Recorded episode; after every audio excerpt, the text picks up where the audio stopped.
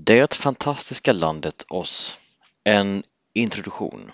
Denna föreläsning spelades in på Svekon 2021 Fantastica i Stockholm. Föreläsaren är Åsa Lundström. Svekon-poddar. En poddradio från svenska science fiction och fantasykongresser.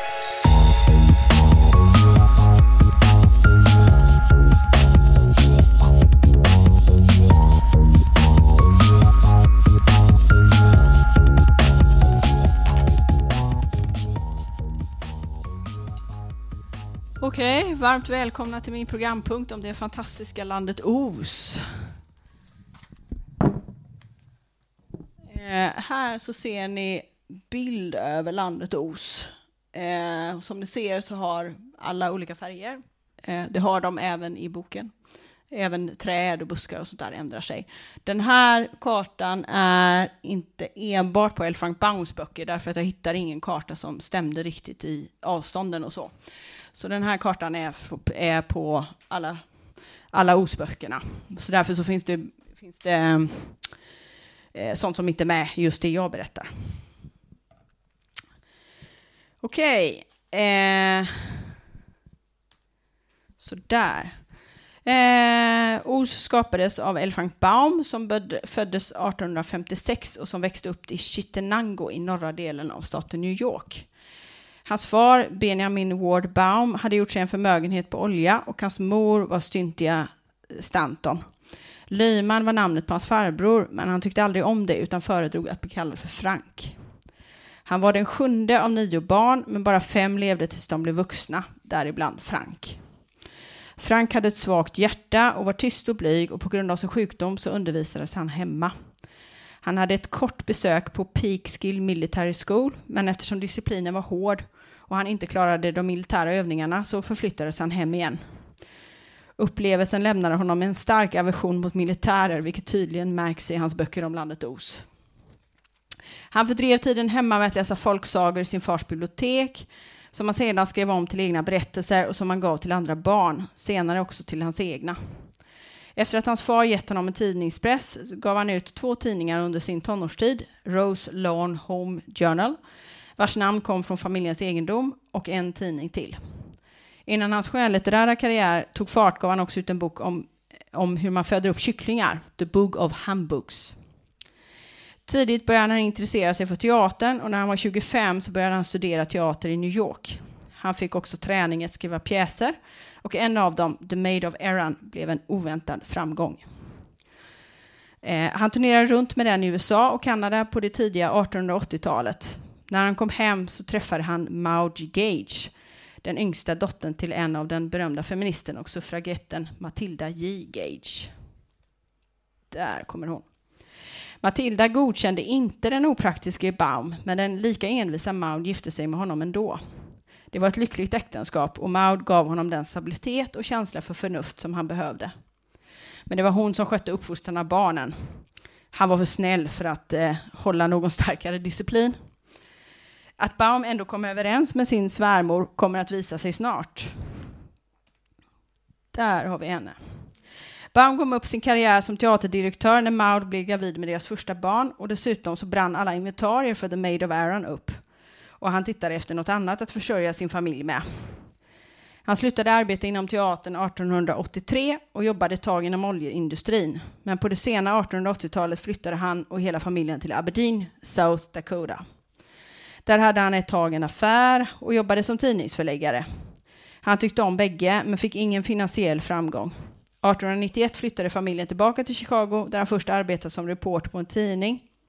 Men han fick snart ett bättre betalt jobb som kringresande försäljare för en porslinsfirma.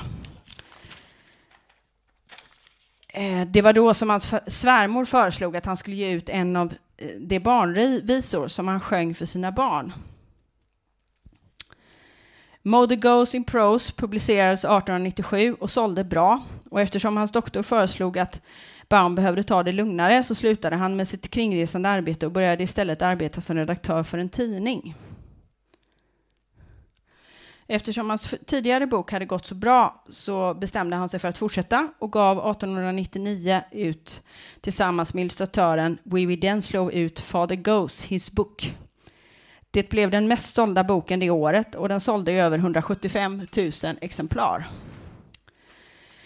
När år 1900 grydde publicerade Baum fem böcker samtidigt. En av dem var Trollkarlen från Oz. Han skrev otroligt många böcker. Utöver hans 14 böcker om Os finns mer än 35 stycken, men siffran är troligtvis mycket större. Baum älskade teater och återvände alltid till den. Flera av hans pjäser blev senare böckerna han gav ut och det var där han hade sin passion. Han verkar alltid ha haft flera teaterproduktioner på gång samtidigt som han gav ut nya böcker. Säkert en framgångsrik verksamhet eftersom han fick goda inkomster under de kommande åren. Även om han verkade ha sett sina böcker mest som ett sätt att klara brödfödan sålde det bra och Baum blev förmögen. Inkomsterna använde han till att producera mer teater och film med varierande framgång. Där har vi Trollkarlen från Oz. Den blev en omedelbar succé och Baum blev nu en känd person. Den omarbetades också till en musikal som Baum turnerade runt med i USA med, i flera år med stor framgång. Handlingen i Trollkarlen från Oz handlar ju, som ni kanske känner igen, vissa av er, eh, Dorothy som flygs iväg av en cyklon och hamnar i landet Oz. Väl där upptäcker hon att hon ovetande har dödat en elak häxa eftersom hennes hus fallit på denna. Men för att ta sig hem igen behöver hon bege sig till Smaragdstaden och fråga den berömde trollkarlen från Oz om hjälp. På vägen dit träffar hon Plåtman, Fågelskrämman och det fega lejonet som blir hennes färdkamrater. Väl i Smaragdstaden får hon i uppdrag att döda den onda häxan Västan. Dorothy och vännerna ger sig dit, lyckas i sitt värv, men när de kommer hem upptäcker de att trollkarlen har lurats och inte alls kan hjälpa Dorothy hem.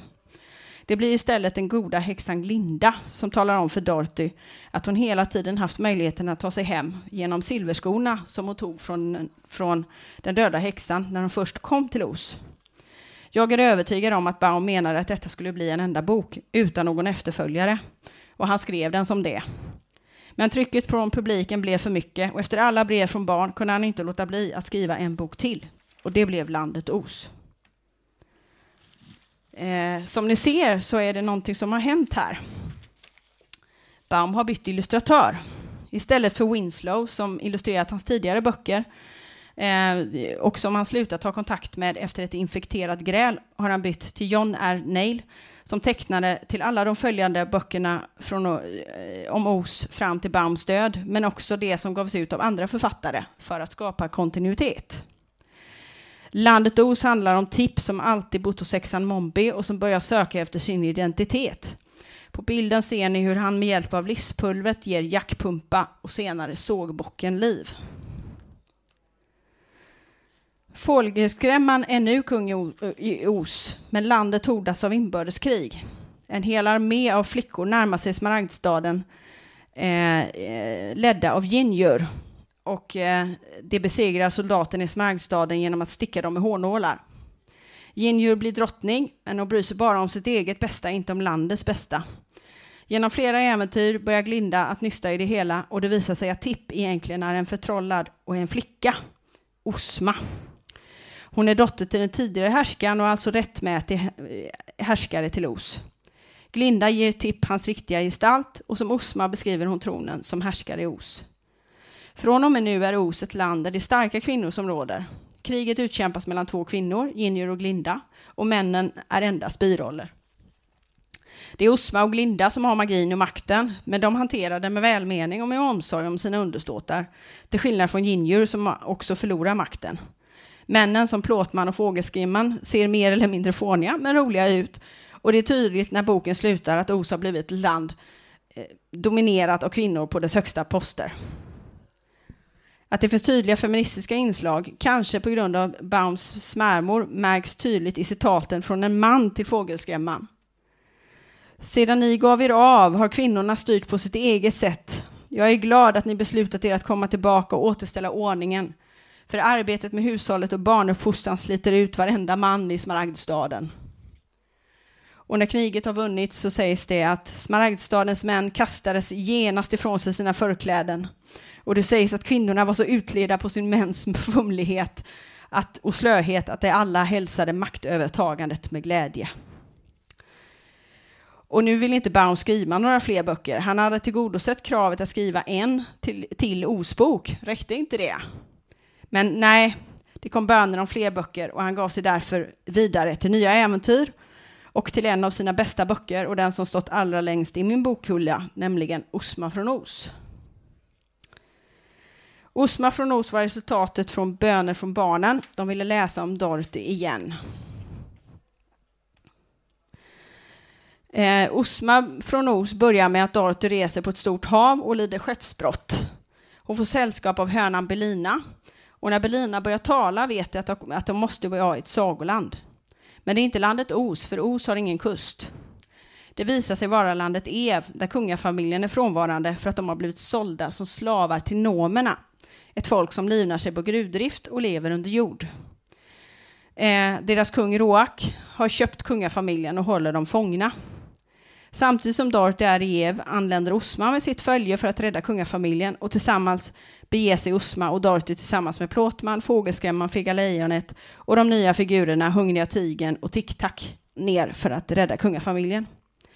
Rokat, eller Rugedo som han kallas i senare böcker, fortsätter att vara ett hot mot Os säkerhet under nästan hela serien.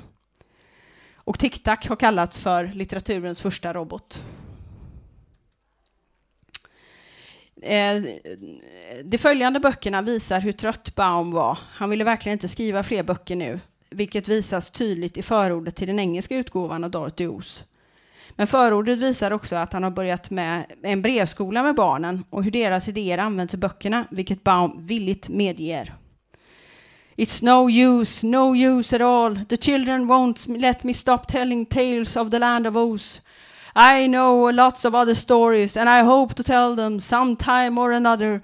But just now my loving tyrants won't allow me. They cry, O's, O's, more about O's, Mr. Baum. And what can I do but obey their commands? This is our book, mine and the children's, for they have floated me with thousands of suggestions in regard to it, and I have honestly tried to adopt as many of these suggestions as could be fitted into one story. Dorothy Oz beskriver hur trollka Dorothy, trollkaren och några figurer till genom en underjordisk resa genom många skrämmande äventyr till sist kommer till landet Oz. Vägen till Oz har samma uppbyggnad som den tidigare boken, en lång resa, många olika situationer och skrämmande folklag och till slut så kommer man till landet Oz. Här presenteras också figurerna Trasman, Polykrom, Regnbågens dotter som kommer att återkomma i kommande böcker. Och efter detta så kommer Smaragdstaden i Os. Eh, Smaragdstaden i Os är en av hans bästa böcker och eh, i, Os, i Smaragdstaden blir också Os ett sagoland. Det är troligtvis här som det bestäms att, Os, att det bara är Osma, Glinda och Trollkaren som får använda magi, men jag lyckades inte hitta riktigt eh, hur det blev bestämt eh, med det. Dorothy flyttar till Os från Gott och alla hennes framtida äventyr utgår nu från Smaragdstaden. Boken är rolig och underhållande med många träffande analyser av olika personligheter. Ändå är det tydligt att Baum ville avsluta serien här. Detta finns inte i den svenska utgåvan. Det ströks av allas vår Sami Lundvall när han gjorde översättningarna. Men i originalutgåvan har Baum inkluderat ett efterord där han skrivit att nu är det slut på alla berättelser om Os. Komplett och tack med adjö från Dorothy. You will never hear anything more about us because we have now cut off forever from all the rest of the world. But Toto and I will always love you and all the other children who love us, Dorothy Gale. Han fortsätter med att han beklagar, men nu får det räcka med osberättelser. Så vad hände då på vägen? Varför skrev han en bok till? Svaret är att Baum gick i konkurs 1911 och han behövde helt enkelt inkomsterna. Han sålde av alla royalties för sina tidigare böcker, inklusive Trollkarlen från Nos, men han behövde alltså fortsätta att skriva. Men Trasfylkan är en av mina absoluta favoriter och den som har mest analyserat O som rike. Baum lär vid i alla fall ett tillfälle ha sagt att detta var en av hans två bästa böcker. Och den ena är The Sea Fairies, som inte alls är lika berömd. Och när jag fick frågan om jag skulle kunna göra ett föredrag på och, landet om Os så sa jag att jag hade kunnat göra en hel, ett helt föredrag på bara Trasflickan från Os. För den, den är så komplex. Eh, nu ska vi se. Nej, just det. Vid den här tiden hade Baum flyttat till Kalifornien och byggde en egendom som kallades för Oscott i Hollywood, då en sömnig småstad. Huset byggdes av hustruns pengar. Os blev efter Baums huvudsakliga inkomstkälla. Han producerade filmer, teatrar och skrev efter detta en bok om året om Os. De senare böckerna har en annan känsla än den första. De har mer fokus på karaktärerna och interaktionen mellan figurerna än tidigare. Och efter det här som fler figurer introduceras blir det fler bikaraktärer i vissa av böckerna. Här har vi böckerna Tick-Tack, Fågelskrämman och Ringtink i Os. Nu verkar Baum ha funnit sig i sitt osöde och i sina företal uttrycker han bara glädje över att skriva nya böcker, alla brev han får, och gör reklam för kommande böcker.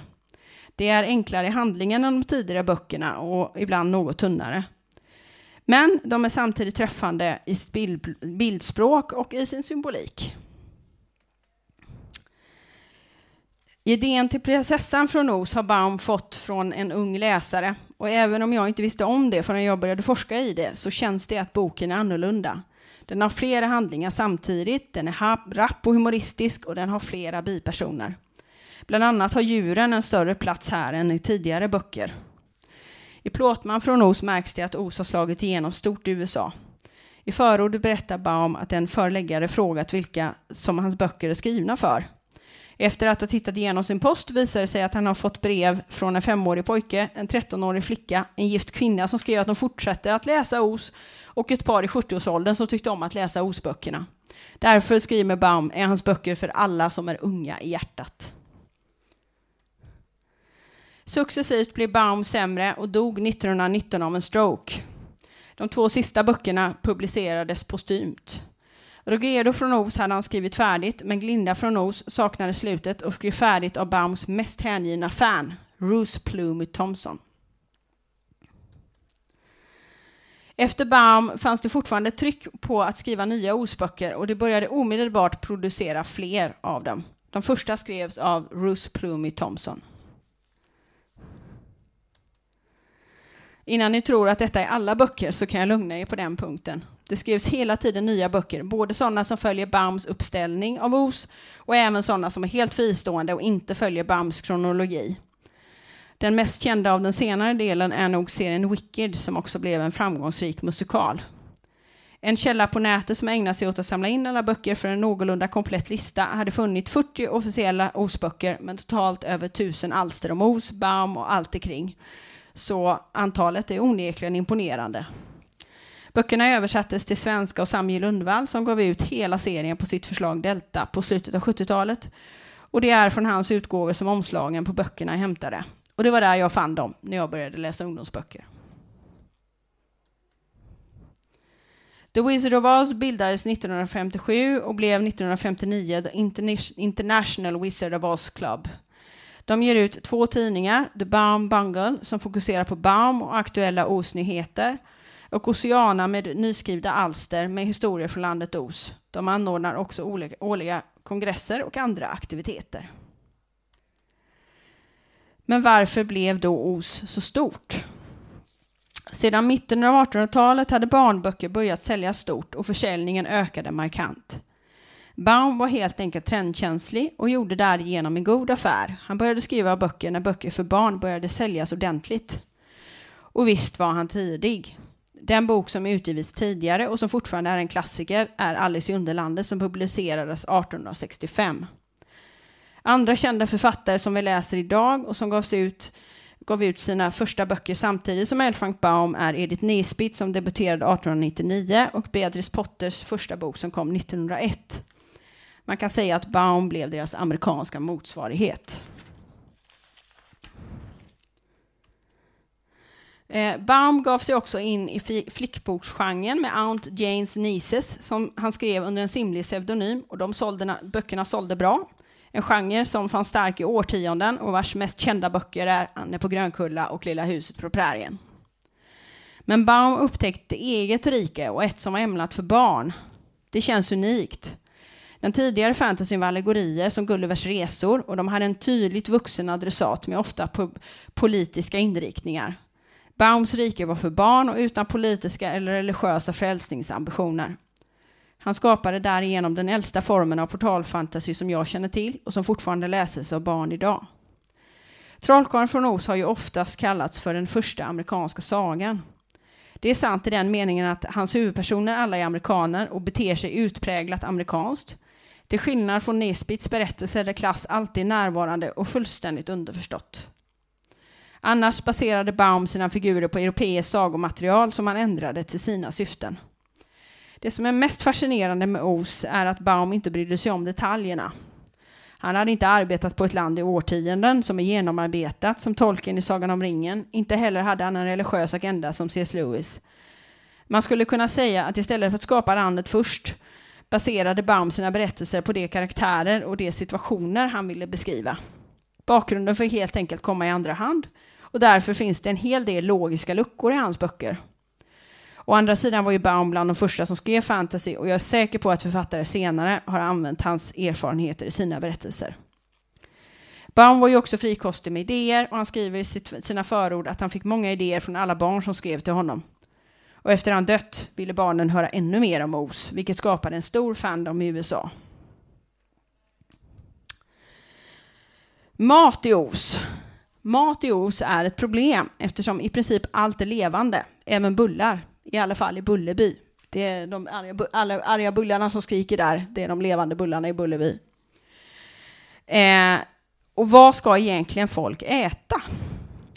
Evreka, den rosa kattungen, råkar ut för en smärtsam rättegång eh, eftersom hon tror sig ha ätit upp några grisar som har blivit förtrollade i en råttas storlek.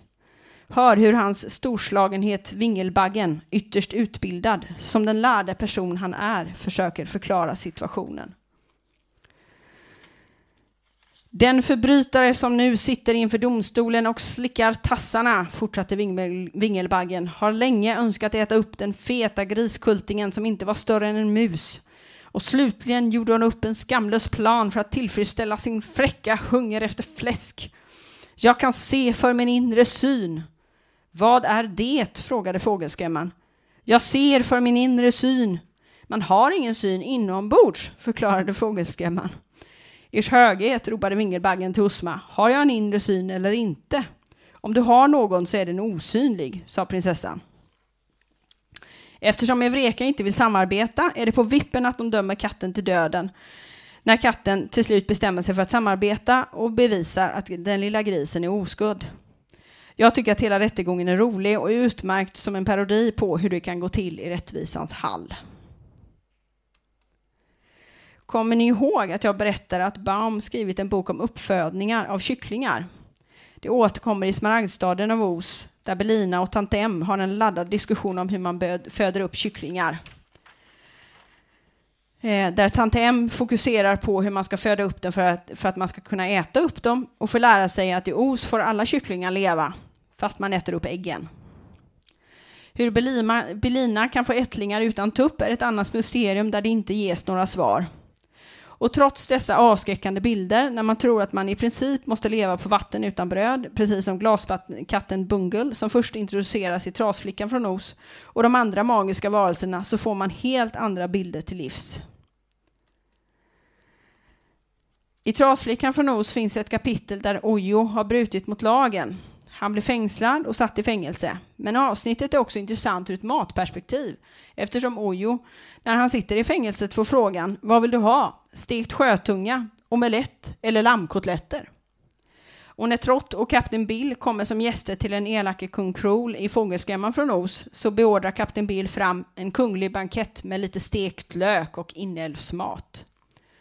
Så uppenbart finns det möjlighet att äta även annat än vegetariskt även i Os. Och det visar lite på inkonsekvensen hos Baum. Han hade inte tänkt igenom allt innan. Som Lewis, som också har talande djur i Naria, men som tydligt förklarar skillnaden mellan dem. Den centrala makten i Os är uteslutande kvinnlig. Osma är prinsessa och styr med välvilja och godhet och Linda har hand om den magiska makten tillsammans med trollkaren. Det enda som får använda magi är de tre och trollkaren är den underordnade i detta förhållande. Han omnämns alltid som assistent till Grinda och talar om henne med stor vördnad. I underrikena i Os är däremot makten ofta manlig. Och där kan det vara nog så patriarkalt. Trasflickan är en gestalt som i motsats till detta är slagfärdig och intelligent och hon ger kraftfulla svar på tal när det kommer till kvinnors rättigheter. Men det finns också exempel på kvinnor som var menade att härska men inte blev tillåtna till det, som rosenprinsessan i Tic-Tac från Os. Hon blir vägkörd eftersom rosorna endast vill ha manliga härskare. Överhuvudtaget verkar män, Baum ha tyckt att män i äktenskapet ofta är ynkliga personer och han älskar att driva med dem. Som exempel Jo Strut i Tic-Tac från Os. Jo, sa han, jag ska besegra världen och du måste gå med i min armé. Ursäkta mig, sa Jo Strut. Jag är inte mycket för att slåss. Min kära hustru besegrade mig för många år sedan för hon slåss mycket bättre än jag. Ta henne istället för mig, ers majestät, så ska jag välsigna dig för din godhet.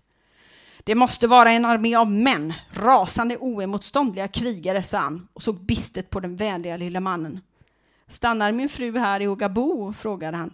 Ja, och du blir general. Då kommer jag, sa Jo.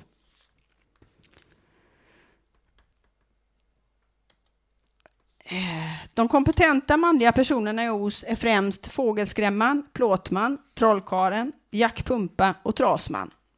Men andra personer förekommer också.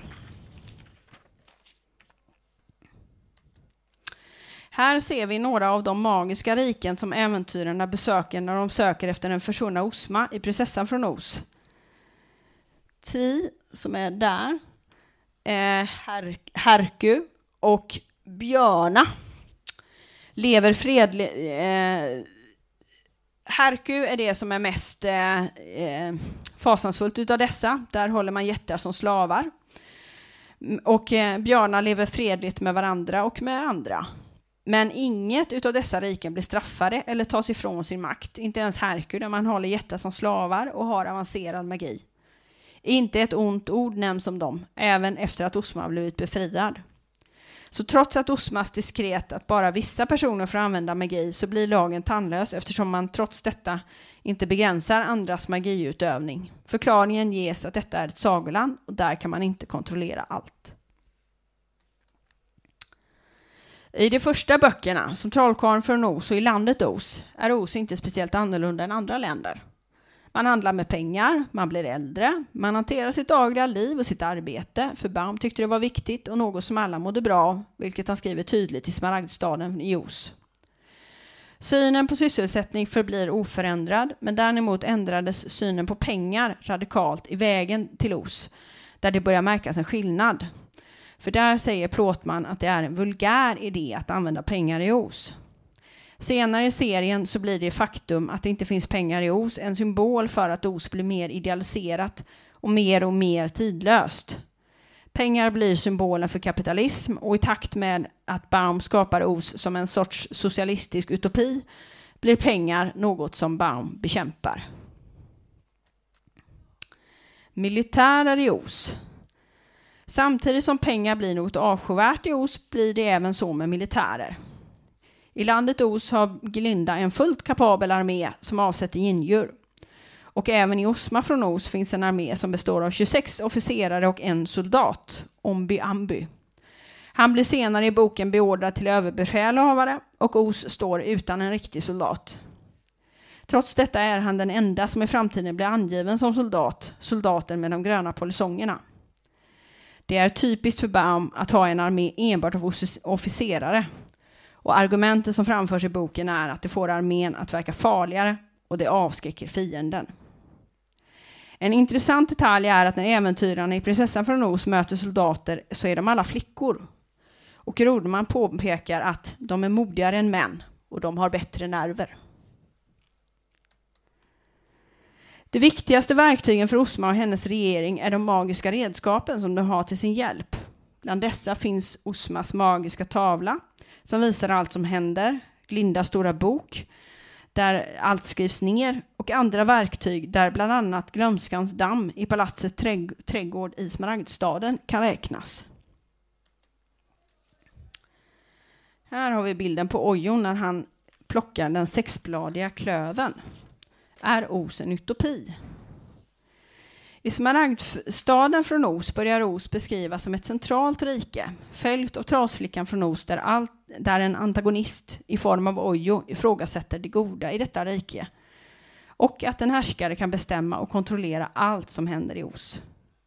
På bilden ser vi hur Ojo plockar den sexbladiga klöven fastän han har fått reda på att det är förbjudet. Detta blir dock en parentes och Osma blir förklarad som en god och omtänksam härskare och livet i Os flyter på.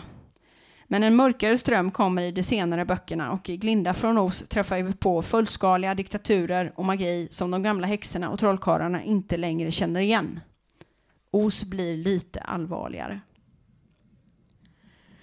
Baum har fått kritik för att han inte är logisk. Och det stämmer, det är han inte. Analyser av böckerna visar att han är inkonsekvent, både mellan böckerna och inom en och samma bok. Han har också rasistiska element i sina böcker. Största problemet är att Os blir ett lagoland, sagoland där ingen växer och inget förändras. Detta är sant, men det som är hans styrka är istället karaktärerna han skapar och situationerna som ofta är roliga, samhällskritiska och samtidigt väldigt inkännande. Hans karaktärer kan verkligen skapa situationer som man känner igen sig i och det är det som är det viktiga för mig och det är därför jag läser Os om och om igen. Eh, nej, där har vi det. Glaskatten är en sådan karaktär. Hon är otroligt fåfäng, otroligt självisk. Och när vi träffar henne först i Trasflickan från Os avslutar hon varenda mening med Titta på min rosa hjärna, man kan se när den tänker. Vilket verkligen frestar på omgivningens tålamod. Men hon växer till sig och i Rogedo från Os är hon en av huvudpersonerna och det är hon som räddar dem alla genom att hitta trollkarlens svarta väska som vi ser på bilden. Baum skriver Glaskattens rubinhjärta var hå, kallt och hårt, men det är ändå ett hjärta. Och om man har ett hjärta kan man känna medlidande med andra.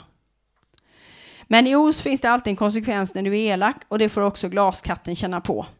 Hon retar de små värnlösa aporna och blir som straff insmetat med gyttja och får reda på att hon förtjänar det eftersom hon har varit elak. Vilken oerhörd skam för den fåfänga glaskatten. I Os finns en stadig konflikt mellan de magiska varelserna och de jordiska. De magiska ses ju ofta som överlägsna. De klarar sig utan mat, utan sömn, de kan springa utan att bli trötta och ser sig ofta som överlägsna de varelser som kastar bort en massa tid på sömn och mat. I följande avsnitt från Prinsessan från Os kan så djuren inte sova eftersom hunden Toto har ett problem. Samtidigt som någon rövade bort Osma så försvann hans gläfs. Det blir en laddad diskussion där sågbocken anser sig förnämast eftersom han är magisk medan mulhåsnan Hank, lummaren och Toto diskuterar vem som är viktigast. Det blir Fega Lejonet som mäklar fred genom att säga att det vore tråkigt om alla är likadana. Att vara personlig, mina vänner, är att vara olik alla andra och det är det enda sättet att skilja sig från mängden. Låt oss vara tacksamma för att vi är olika varandra. Olikheten är livets krydda och vi är så olika varandra att vi kan trivas tillsammans och därför ska vi vara belåtna. Detta är Baum i ett nötskal och därför så vill jag varmt rekommendera Osböckerna som rolig och underfundig humor. Sådär, tack för mig!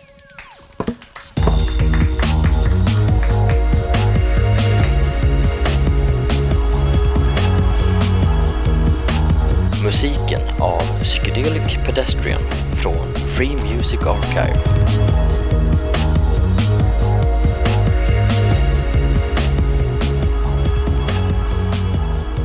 Besök gärna vår hemsida på svekonpoddar.se